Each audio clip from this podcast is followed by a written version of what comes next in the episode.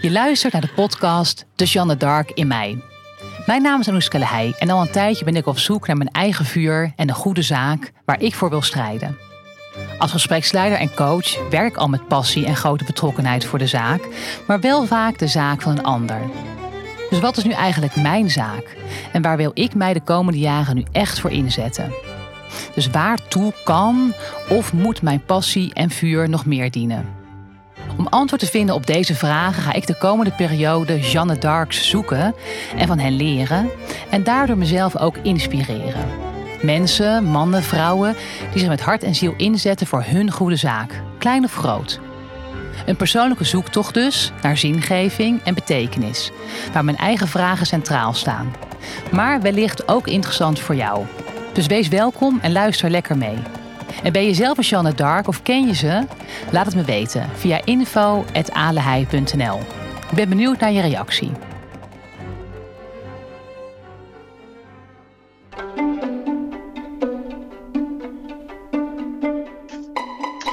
Mijn tweede Jeanne is Ilja Soffer. Als directeur van Iederin, de koepelorganisatie voor mensen met een beperking of chronische ziekte, behartigt zij de belangen van 2 miljoen Nederlanders. Ik herken me in haar. Net als ik studeerde zij politicologie en voordat ze bij Iederin in dienst trad, werkte ze als campagnestrateeg en verandermanager voor verschillende overheden en maatschappelijke organisaties. Als gedreven professional en ervaringsdeskundige, ze heeft zelf een zoon met een verstandelijke beperking, geeft ze stem aan wie niet wordt gehoord. En gaat ze mij voor in mijn zoektocht.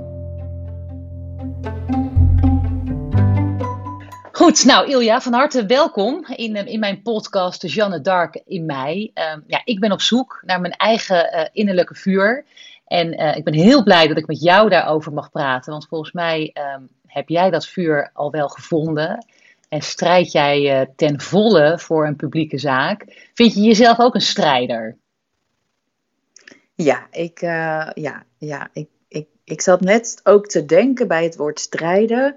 Denk ik, is dat nou een, uh, een, een hè, is het een werkwoord uh, wat je gewoon kan doen, strijden? Of is strijder zijn, is dat een karaktereigenschap? Of is het een, nou ja, een, een, een, een persoonlijkheid of een persoonlijkheidsstoornis? En in het werk dat ik doe, nu als belangenbehartiger voor mensen met een beperking of chronische ziekte herken ik wel dat ik eigenlijk altijd een strijder ben. En heel vaak toch, als ik dan ergens weer in een soort verontwaardiging constateer dat dat voor mensen met een beperking in ons land, in ons rijke land, niet goed geregeld is, dan zie ik gewoon het kind met de gebalde vuistjes. Uh, meestrijden. Van het moet beter en het kan anders. En zien jullie dan niet dat mensen met een beperking er ook bij horen?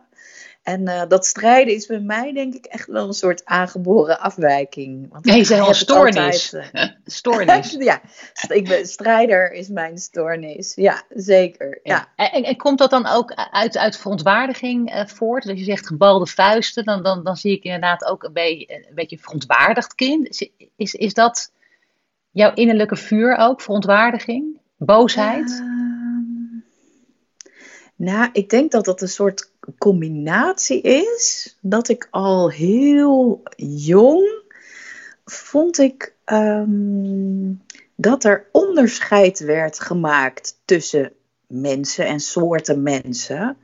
Vond ik gewoon eigenlijk onbegrijpelijk. Dus ik denk dat dat een soort verontwaardiging is, maar toch ook wel een soort verwondering van, huh, hoe kan dat nou? Misschien ook wel een soort angst van wat betekent dat eigenlijk als mensen andere mensen kunnen veroordelen of bevooroordeeld behandelen. En het is dus een optelsom, denk ik, van een soort verlangen naar hoe zou het leven zijn als we niet op deze manier groepen mensen of andere mensen uitsluiten. En um, ja, ik denk eigenlijk maar dat is een retrospectief dat het bij mij wel echt voortkomt uit mijn, uh, uit mijn paplepel. Dat ik dit ook geleerd heb. En, en, en wat, wat heb je dan geleerd om op te komen voor, voor mensen die uitgesloten worden? Of ben je juist uitgesloten? Of, of, of zijn er mensen in jouw systeem uitgesloten? Ja, ik denk dat het allemaal een beetje een, eh, een rol speelt. Maar dat heb ik pas eigenlijk laat ontdekt. Dus ik heb een uh, grotendeels Joodse familie. Maar we zijn helemaal niet Joods opgevoed. Maar de oorlog is natuurlijk wel een uh, event dat ook gaten heeft geslagen in mijn familiesysteem. En mijn paplepel die ging heel erg over opletten dat jezelf niet uitsluit opletten dat je niet uitgesloten wordt. Uh, opletten of er soms tendensen zijn die andere mensen uitsluiten. Want dat kan wel eens heel gevaarlijk worden. En vooral, en dat is dan vooral mijn moeder, gebruik je hersenen om ontzettend goed in de gaten te houden hoe dingen werken. Zodat je het um, uh, voor kan zijn. En misschien ook wel in, in, de, nou ja, hè, de erfenis van mijn moeder. Um, misschien kun je uh, met jouw talenten voorkomen dat andere mensen net zo structureel uitgesloten, uh, weggestuurd, uh, gedemoniseerd worden. En ik denk dat ik daar eigenlijk um, misschien wel ook um, een grote drijfveer heb zitten. Dat, nou ja, mijn moeder noemde dat dan volksverlakkerij. Hè? Dat het volk wordt opgejut om andere groepen slecht te vinden en henzelf goed. Als een soort excuus om uh, nou ja, aan uitsluiting en discriminatie en onderdrukking te doen. En zij was nog een slagje pittiger dan ik. Dus ik denk wel dat ik, uh, dat ik dit heb uh, meegekregen. Herken jij dat? Heb jij zoiets meegekregen van huis uit? Nou ja, weet je, ergens wat ik er wel in herken, is dat, is dat ergens ligt er dus ook een soort, soort lijden uh, ten grondslag aan, aan, aan jouw gepassioneerdheid dan, om je, om je in te zetten tegen uitsluiting. En ik, her, ik herken zeker ook wel opdracht die ik voel van huis uit, hè, of de plek die ik in mijn, um, in mijn gezin van herkomst hè, heb, heb, heb gespeeld. Uh, bij ons, ik denk dat ik ook wel me inzet voor of tegen uitsluiten. En dat heeft dan weer meer te maken met kwetsbare mensen in mijn eigen familie, hè, die er niet mhm. bij um, konden horen, of, of, of die heel snel eigenlijk um, waar niet meer in werd geïnvesteerd. En waar ik me dan heel erg mee verbonden voel. Dus, dus iedereen erbij willen houden, weet je, het willen verbinden, dat, dat, dat ligt ook wel heel erg in mijn uh, familiescript. Of misschien wel, dat is misschien wel mijn eigen persoonlijke lijden. Misschien gebeurde dat juist wel te weinig in mijn, in mijn familie. Waar ja. je moeder dan zo voor heeft gestreden. Um, mijn moeder, mijn moeder trouwens ook. Maar die, die, die heeft weer voor anderen, heeft veel meer voor expressie gestreden. En voor jezelf mogen zijn. Ja. Maar, maar wat ik me dan wel afvraag, want dat is ook wel een vraag in mijn zoektocht. Hè, heb je dan niet het gevoel dat jij heel erg in opdracht van jouw familiesysteem iets aan het doen bent? Voel jij je dan wel vrij in de keuze? Of heb je het gevoel dat je dit ook moet doen omdat er een soort schuld uitstaat? Wauw, dat is wel een interessante vraag. Die heb ik ook wel eens uh, langs gehad. En um, misschien, misschien is dat zo. Hè? Dus ik herken ook heel erg van de boel bij elkaar willen houden. Nou, in mijn familiesysteem was niet alleen een, een groot deel, zeg maar, niet teruggekomen uit de oorlog, maar ze had ook een geschiedenis van uh, nou, scheiden en lijden. Dus iedereen is één of twee of drie keer gescheiden en uit elkaar. En ik wilde dus alles met alles en iedereen met iedereen verbinden. Ja. En op een gegeven moment, toen ik ook. Uh, ik ben dus heel lang organisatieadviseur, communicatieadviseur geweest. Want dan kun je lekker van de zijkant allemaal onverbonden dingen aan elkaar denken. Of aan elkaar onderzoeken, of aan elkaar adviseren, of aan elkaar praten. Ja. Maar ik merkte eigenlijk dat dat helemaal, ja, dat instrument was een soort, ik was een soort crypto-verbinder. Dus ik ging het niet zelf doen, maar ik ging allemaal mensen zeggen dat ze meer verbonden moesten zijn. Communicatie is natuurlijk in essentie de kunde van het verbinden en het vergemeenschappelijke. En die opdracht om te verbinden, of misschien wel de angst voor het niet verbonden zijn, hè, want dat is eigenlijk wat ik altijd uh, voel van hé, hey, hier wordt niet verbonden, hier zijn dingen uit elkaar, hier zijn het kwetsbare mag hier niet zijn, of het wat niet gezegd mag worden, dat hoort er ook bij. Die opdracht van mijn familiesysteem ben ik op een gegeven moment wel keihard tegen aangelopen. En ik weet dat ik op een gegeven moment uitriep, ja, maar om die schuld, zoals jij het noemt, te vereffenen, kan ik dus echt nooit genoeg doen. Hè? Het ging eigenlijk over een soort genoegdoening. Maar daar is wel de bron ontstaan van wat ik uiteindelijk ben gaan doen. Dus dat is een interessante plek. Dat je denkt, ja, maar wat hier allemaal te vereffenen is, daar kan ik gewoon nooit volledig genoegdoening voor bieden. Met wat ik ook doe. Dus dan schiet je altijd tekort. Dus ja, ik ben of, eigenlijk of, of, of, of je maakt jezelf misschien ook wel te groot. Ja, je maakt jezelf te groot en gedoemd om te mislukken. Ik denk dat die combinatie niet zo gelukkig is. Ja, ja. Maar, jij, maar jij hebt dat dan wel weten te doseren, zeg je dan? Want aan, aan de ene kant. Ik ben, ja? Nou, ik ben gaan. Ehm, ik denk dat ik op zoek gegaan ben naar in welke rol en op welke plek en met welke focus ehm, kan ik. Ehm, Kijk, in mijn huidige missie kan ik ook niet genoeg doen. Want als je voor mensen met een beperking, bij wijze van spreken, hun ondersteuning goed regelt, dan hebben ze nog steeds geen passend inkomen en geen passende woningen. Hebben ze nog steeds geen werk. Hebben ze nog steeds allemaal stigma. En dus dus daar, daar, is, daar is ook aan de orde dat je eigenlijk de opgave zo groot is dat je er maar een heel klein beetje in kan doen. Maar het is wel Misschien ook wel omdat ik er middenin ben gaan staan en ben gestopt om aan de zijkant via de band als adviseur dat te doen. En nu met mijn eigen handen in het eigen sop en op het eigen podium ben gaan staan van deze stem, is het wel um, rechtstreekser. Ik heb gewoon veel minder energieverlies op dat ik dan via een enorm ingewikkelde flipperkastconstructie probeer om iets in beweging te zetten. En nu is de flipperkast waar ik dat probeer, is in ieder geval de flipperkast van het vraagstuk. En niet via de band van allemaal adviseurs en organisaties. En ik moest altijd zoveel aan elkaar denken om het passend te krijgen. Om te denken, nou het is best wel zinnig dat ik adviseur ben. En nu denk ik, eh, nooit meer is het zinnig wat ik doe. Dus ik denk dat er wel in, de, in dat vraagstuk van kan je deze schuld of die last of die pijn, kun je dat ooit vereffenen? Nee, maar ik kan wel proberen om zoveel mogelijk van wat ik doe te richten op wat ik daarin echt van belang vind. En dat ben ik gaan doen. Ja, want... Is dat ook niet een beetje jouw zoektocht? Dat je eigenlijk heel veel al hebt gedaan om uh, mensen te verbinden en het goede gesprek op gang te brengen. Maar dat je nu misschien ook wel meer denkt van ja, en waar moet dat gesprek eigenlijk echt over gaan om uh, voor mij energie op te leveren? Nou, ja, het is, het is wel grappig, want um, Sia, hè, mijn, vorige podcast-gast, die, die, die, die gaf mij nog terug als feedback. Hè, want het is natuurlijk ook een soort leerexercitie, hè, deze, deze podcast-reeks, vooral, vooral voor mezelf. Om ook in, in het gesprek mezelf iets meer um, te laten zien. Hè, om zelf ook wat meer in te stappen in het gesprek. Dus het is leuk dat je mij die vraag ook stelt zodat ik ook iets meer van mezelf kan laten zien. Maar ik, wat ik wel heel erg herken natuurlijk als gespreksleider, ben ik natuurlijk ook de ultieme verbinder. Hè? Ehm, en, en, en, en tegelijkertijd uh, mag het ook schuren en ergens over gaan. Maar uiteindelijk wil ik wel partijen bij elkaar brengen. Hè? En, en, en, en dat mhm. er iets, iets gebeurt in die verbinding.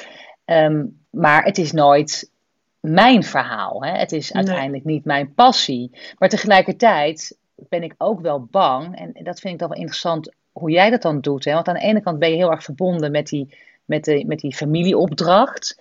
Uh, en eer je daarmee ook jouw eigen systeem en je moeder. Hè? Je zei, nou, mijn moeder kon dat nog veel uh, sterker. Dus die erfenis van, van je moeder, die draag je ook, zet je ook door. Maar heb je dan, heb je dan wel het gevoel dat je voldoende is het wel in balans. Hè? Want ergens geef je dan ook heel veel in die beweging die je ook maakt. Nu ook in, jou, in jouw rol als, als, als directeur voor iedereen. Hè? Jouw, strijd, uh, jouw, jouw strijd daarvoor. Maar is, krijg je ook voldoende terug dan? Ben je, ik vind dat toch lastig. Om, voor mezelf zou ik het lastig vinden. Is het in balans? Vind je het in balans? Um, dat, is heel, uh, dat is heel wisselend. Dus wat. Ehm, wanneer het in balans is, of waarom ik het volhoud, en zeker ook in het huidige uh, politieke klimaat, is het, nou, ik moet gewoon zeggen: nee, het is niet in balans.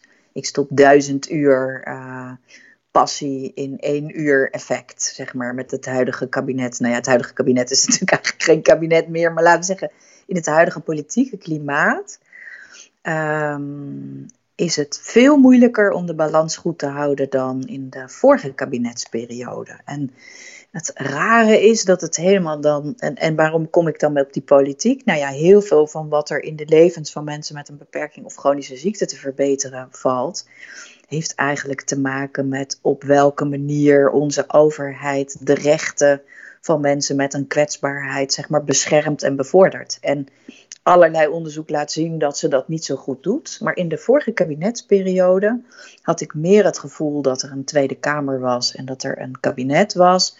Uh, die het van belang vond. En ook al uh, lukte dan niet alles wat we probeerden te bepleiten, uh, menig optreden, dan wel politiek of in de media, uh, was in balans, omdat zowel onze achterbannen, hè, dus de mensen met een beperking zelf, als die politici, als die media zeiden: ja, hier moet echt iets gebeuren. Dus ik hoorde veel ja.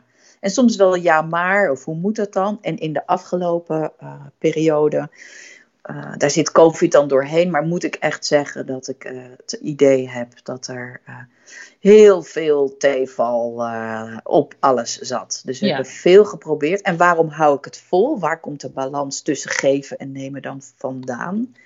Van de mailtjes en de appjes en de berichten vanuit mensen met een beperking, uit onze achterban, onze lidorganisaties ook wel soms gewoon journalisten die zeggen: ja, wij zijn hetzelfde vraagstuk aan het onderzoeken, maar wij krijgen ook geen antwoorden meer van de politiek. Hè? Dus dan, ja.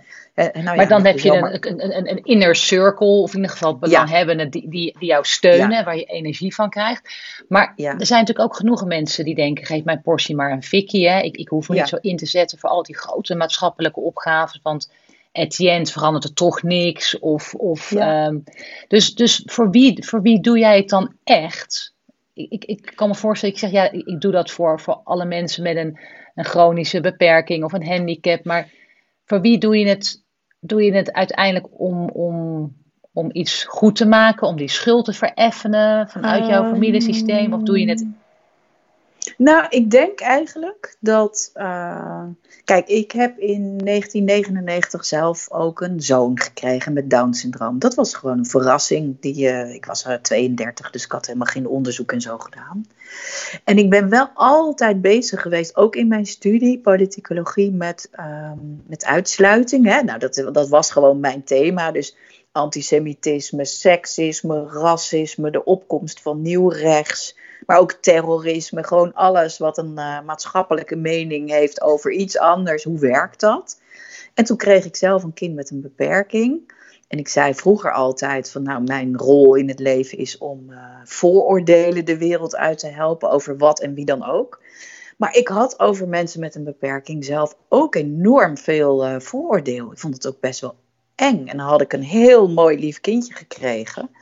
Maar ik was als de dood voor de eigen spoken in mijn hoofd. Dus dat onderwerp handicap, daar wou ik eigenlijk nooit wat mee. Want ik dacht, dat komt allemaal veel te dichtbij. Maar het grappige was, toen ik daar eenmaal voor koos, ook wel echt na een loopbaantraject. Van ik ga uh, kijken of voor mij in Nederland iets te doen is voor mensen met een beperking. Want ik heb daar ervaringsdeskundigheid in. En ik heb nou ja, ervaring en talent om mensen te verbinden.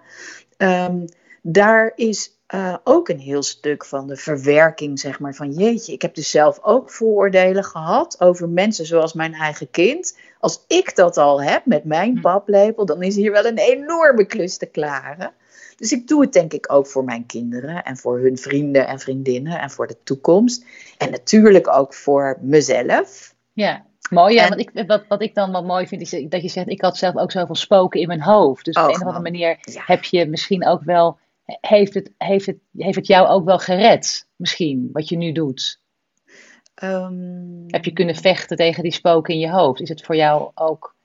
Ja, ik denk dat ik gewoon van, de, van, van het fenomeen... Uh, uh, van het fenomeen. Ja, weet je, niets menselijks is ons vreemd. En ik denk altijd van als ik met mijn opvoeding en al die nuances en behoorlijk links en verantwoord allemaal. Mijn vader was ook heel een soort salon-socialist, weet je wel. Dus als je, en met mijn opleiding en met allerlei beschermende en niet beschermende factoren. Als, als ik al eigenlijk zo uh, moet worstelen om mensen die anders zijn een plek te geven, dan is er echt een klus te klaren.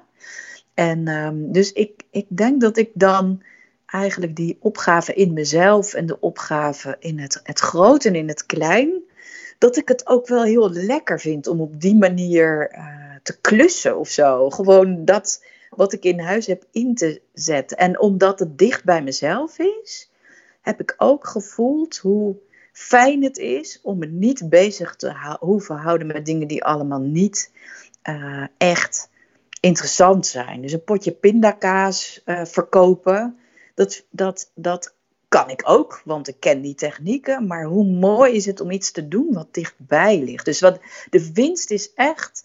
Nou, ik zei op een gegeven moment ook toen ik een tijd uh, directeur was bij Iedereen, een soort van verademing van als je um, alleen maar dat hoeft te doen wat echt van jou is. En dan hoef je dus ook nooit na te denken over welk verhaal je vertelt. En dat verhaal komt gewoon vanzelf. Dat is een authentiek uh, verhaal. Dus als je maar, niet maar, ligt... maar, jouw zoon heeft je wel heel erg geholpen dan ja. om, om dat hele eigen verhaal van jou te vinden. Ja, maar het interessante is dat als ik. Uh, ik, ik denk wel nu, hè, van jeetje, welke andere groep dan mensen met een beperking zou ik me allemaal nog voor kunnen inzetten? Hè, zou, ik dat, zou ik dat ook voor anderen kunnen? En dan zijn mensen met een beperking eigenlijk relatief gemakkelijk. Want wie is er nou tegen mensen met een beperking als ze maar niet jouw inkomen opeten? Even plat gezegd. Maar bijvoorbeeld, ik had het ook altijd al bij vluchtelingen of asielzoekers. Dat ik dacht, wie zijn wij dat wij andere mensen in de knop, uh, zeg maar, uh, uh, in de kiem smoren? Dat wij hun potentieel niet willen zien, maar alleen maar hun dreiging. Dus ik, ja, mijn zoon heeft mij heel erg geholpen, maar hij is ook, nou ja, een soort universal feedback was het. Van nou, Soffer, je bent lekker bezig. Hier heb ik een vraagstuk voor je, waar je de komende jaren echt helemaal authentiek mee aan de slag kan. Ja, en die, maar, maar, maar wel, wel, ja, ik zit wel denk ik wel een cadeautje aan de ene kant. Aan de ene kant zou je kunnen zeggen, het lijden van, jou, van jouw uh, familiesysteem en, en, en de geboorte van jouw zoon. Dat klinkt dan, het lijden, als, om dat als een cadeautje te zien, is ook heel gek. Maar de geboorte van jouw zoon, ergens zijn dat wel twee hele belangrijke bronnen voor jou geweest. Ja.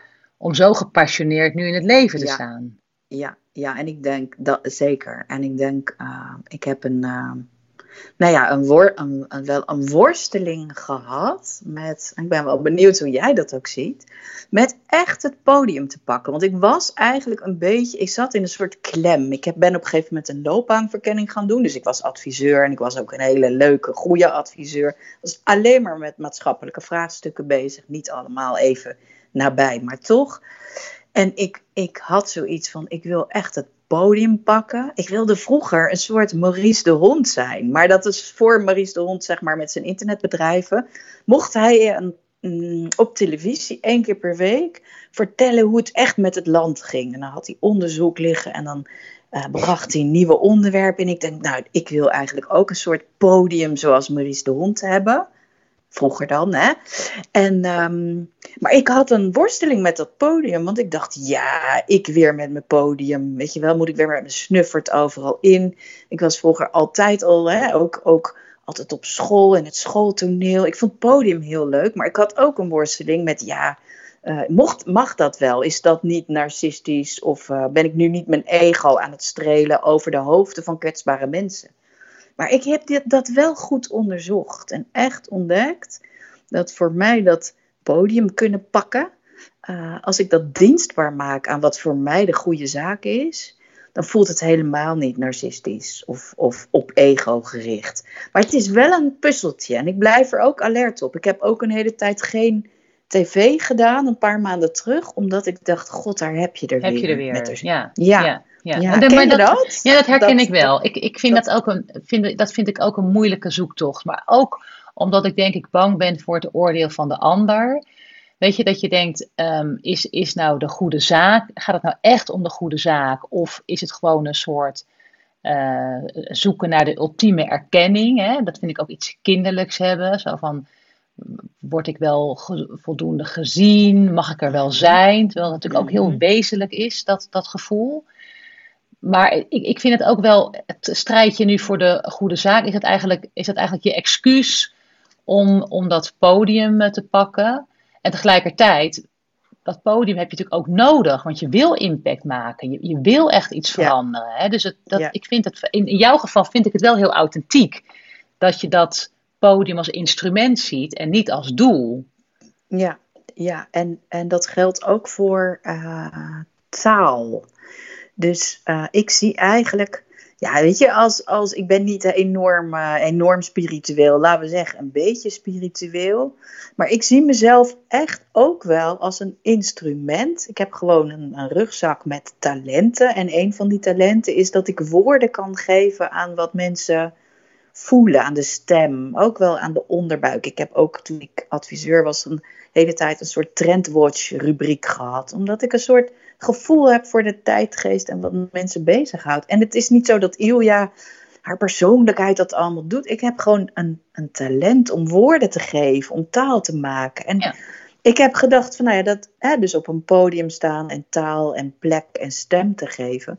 Hoe mooi is het als je dat dienstbaar kan maken? En wat mij zo opvalt in de vragen die je daarover stelt, dus daar zit denk ik iets misschien ook bij jou, is dat jij best wel ehm, een, een, een oordeel hebt hè, van dat het alsof het echt allemaal ultiem zuiver en Ja. altruïstisch en 0.0 narcisme mag hebben. Alsof Ja. zeg maar de voedselbank alleen echt recht van bestaan heeft als het een echt oprecht zuiver doel heeft. Terwijl, nou, misschien zitten er mensen geld aan te verdienen, maar het is toch goed dat het er is. Ja, ja dat vind, dat, maar dat vind ik aan de ene kant dus wel. En aan de andere kant inderdaad is dat ook nog een beetje mijn, mijn, mijn, mijn worsteling. Want ja, Ah, Maar als ik dan ook nog naar jou kijk, want alles komt met een prijs. Hè? Ik bedoel, als je, als je dan, je zegt al, ik heb heel duidelijk die keuze toen gemaakt van organisatieadviseur echt naar, naar deze publieke zaak, om me daarvoor in te zetten. Ehm, maar, maar heeft het je ook wat gekost? Of, of kost het je nu nog steeds iets om trouw te blijven aan die overtuiging? Ja, ja, ja, ja, ja, dat kost.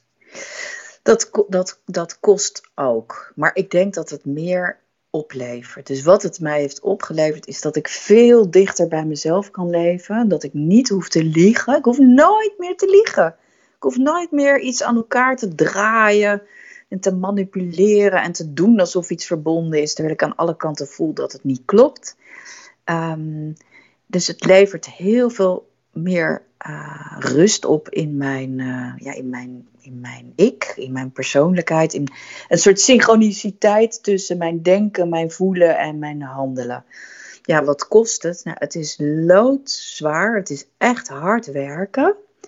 Ehm, het is ook. ehm, ehm, ja, weet je, ik heb ook zoveel vuur en vlam en passie dat het uiteindelijk toch ook wel mijn eh, relatie heeft gekost.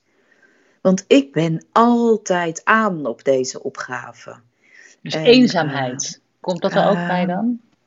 Eenzaamheid. eh, mm, nou ja, de, de, eh, nou, ik, ik weet niet of ik het zou labelen als eenzaamheid. Ehm, want ik, ik voel me eigenlijk niet eenzaam als ik maar in verbinding blijf met die andere strijders of zo. Hè? Dus het netwerk van mensen die ook voelen dat, er, eh, dat het belangrijk is om niet op te geven aan, eh, aan, aan de goede zaak. En het feit dat er mensen zijn, hè, dat ik weet dat er meer mensen zijn, dat ik die mensen ook wel ontmoet, of soms een mooie ontmoeting heb en denk: oh, deze persoon zit in dezelfde, in dezelfde pot te roeren, probeert hij als ik, of komt op voor dezelfde goede zaak, of voor dezelfde waarden. Dan voel ik me niet eenzaam, maar ehm, het is wel zo dat Um, nou ja, er was op een gegeven moment die, uh, heb je misschien ook wel gezien, hè, Borgen, over de Deense ja, zeker. Deense, Minister-president. Ja, ja nou toen ik, toen ik uh, voordat ik naar iedereen ging, gaven mij uh, vriendinnen mij, toen, toen bestond dat nog de, de DVD-box, van ga dit maar eens kijken, want uh, dit is volgens mij waar jij wel door geïnspireerd Ja, jij wordt gewoon de nieuwe minister-president van Nederland. Nou, dat zijn, zien ja. mijn vriendinnen allemaal heel erg zitten. En, ehm, en toen ging ik dat kijken en ik ging dat ook kijken hier thuis hè, met mijn nou, inmiddels ex-partner. En um, en eh, zij verliest gewoon haar huwelijk.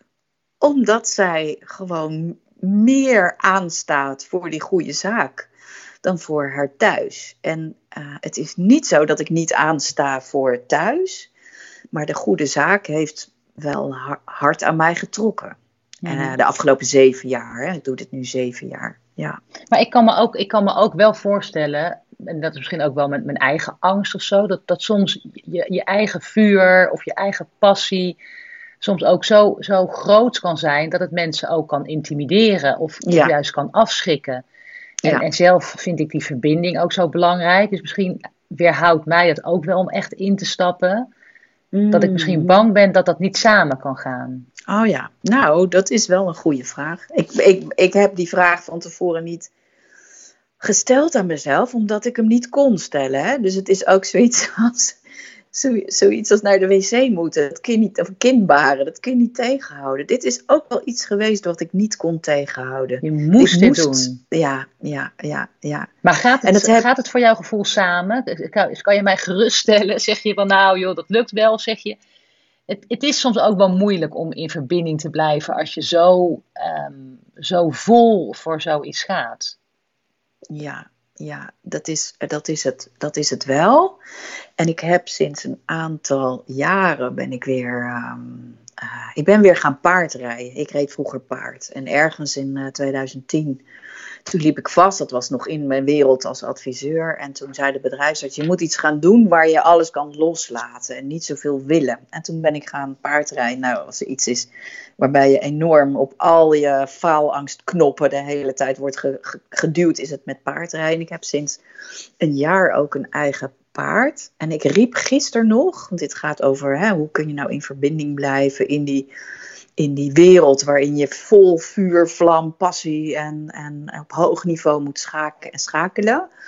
Ik riep gisteren tegen haar, want, ik, ik had een, even een periode dat ik er niet zo makkelijk opstapte. Toen zei ik tegen mijn instructrice, hoe kan dat nou? Ik ben directeur van een bedrijf, ik praat met ministers en staatssecretarissen en ik durf niet op mijn paard, terwijl zij is echt het allerliefste paardje van heel Nederland. What's happening? En toen uh, zei zij ook van ja, omdat je dit gewoon met een heel ander stuk van je persoonlijkheid moet doen. Paardrijden zit in je lijf bijvoorbeeld.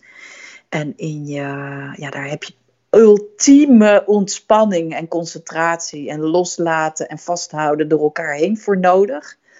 En um, ik, ik denk wel dat, dat ik doe dat dus ook om in verbinding te blijven. Bijvoorbeeld met mijn lijf. Gewoon überhaupt niet alleen maar één grote strategische operatie te worden of zo. Hè? Dat, ja. Ehm, ja, maar ook echt om dat te aarden bewijzen van. Te aarden, te aarden met paarden. Ja, kan ik je geruststellen, jeetje Anouska. Um, ik denk dat uh, mijn gevoel is, maar ik weet ook niet of dat mijn advies is, uh, of dat het een projectie is of allemaal door elkaar heen. Dat als jij uh, je bestemming vindt. Waar verklaar jij de liefde aan?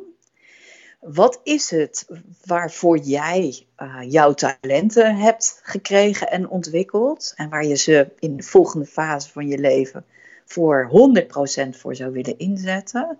Ik denk dat dat onvermijdelijk is. Dus dat de prijs van het niet doen is dat je niet authentiek leeft. En dat kost wat. En de prijs van het wel doen is dat het vuur uh, misschien ook dingen ja, verbrandt die je uh, misschien liever had willen houden. Maar in die end, mm, misschien hou ik me daar dan ook aan vast. Um, ik denk dat ik het liever later, als ik oud ben, uh, terugkijk en denk: ik heb echt dat geleefd waarvoor ik er ben. dan dat ik zou moeten zeggen: ik heb een mooi leven gehad, maar ik heb heel veel niet gedaan wat ik eigenlijk had willen brengen. Ja, ja. zoiets. En, en, en is, er, is, er, is er ook een, een, een maximum aan die prijs die je, die je wil betalen? Kan je je voorstellen? Ja, ja, ja, ja. ja. Ik heb wel. Uh, er zijn best veel mensen geweest die mij uh, richting uh, bijvoorbeeld de politiek hebben ge, ge, geprobeerd te verleiden. Dat is de Tweede Kamer of zo. En um, ik, ik heb in ieder geval voor deze fase van mijn leven echt gevoeld tot op het bot en ook wel door bijvoorbeeld te kijken naar wat er met iemand als Pieter Omtzigt is gebeurd. En ik denk niet, ik ben niet Pieter Omtzigt, maar ik denk wel dat ik ongeveer zoveel passie heb om het goede te doen. En om de onderste steen boven te halen en niet op te geven. Ik denk dat ik misschien heel goed zou kunnen zijn voor de Tweede Kamer, maar de Tweede Kamer niet voor mij. Ik ben niet bestand tegen dat geweld. Dus dat is ook wel, dat is bij mij misschien ook wel mijn, de grens aan mijn vermogen om het goede te doen voor de goede zaak, is dat ik erg gevoelig ben voor gewelddadigheid om mij heen in het systeem. Ja. Dus ik eh, klap daar helemaal van dicht en ik zak ook echt helemaal door mijn luik en mijn energie en ik word, ik word ook echt bang van. Dus ik denk dat dat dat is op dit moment in mijn leven, kan ik mezelf er niet goed tegen beschermen. Tegen dat geweld. Nee. Maar dat is dan ook mooi, dus dan weet je ook wat je, wat je, wat, wat, wat je nodig hebt aan, aan voeding of aan bedding om, om op wat andere toneel dus zo te kunnen strijden. Dus...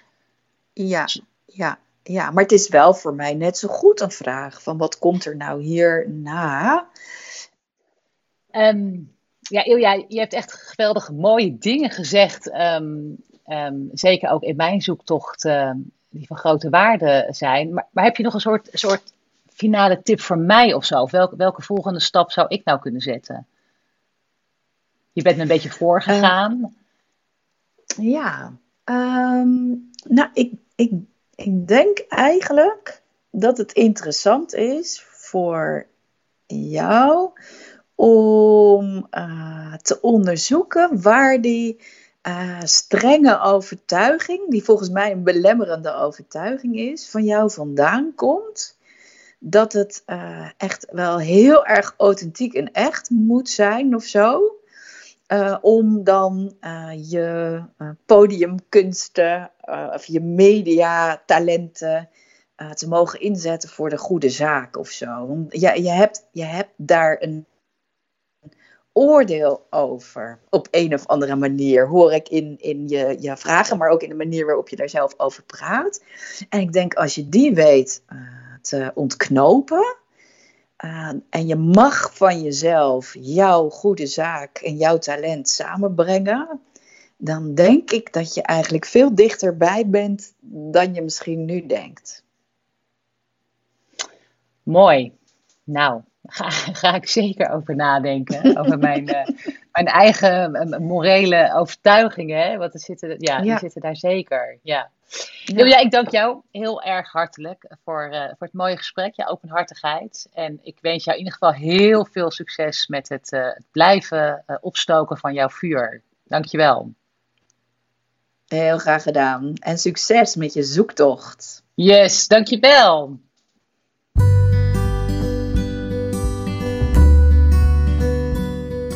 Mijn gesprek met uh, Ilja was, uh, was warm, maar ook wel confronterend. Want Ilja leert mij dat een echte Janne ook haar hart uh, moet laten spreken. En um, ik merkte dat ze dat heel goed kon, maar dat ik het heel moeilijk vind om eigenlijk mijn hart echt te laten spreken. Echt te verbinden. En het lijkt een beetje alsof ik eh, heel erg op mijn hoede ben. Ilja zei het al, het moet allemaal heel zuiver zijn in mijn gedachten. Dus ergens staan er een soort wachters rondom mijn hart die bepalen of het hart eruit mag of dat het hart eh, erin mag. Dus hoe bescherm je je hart, maar hoe geef je ook je hart aan de goede zaak? Dat is eigenlijk mijn vraag ehm, voor de volgende episode, voor mijn volgende gast. Blijf luisteren.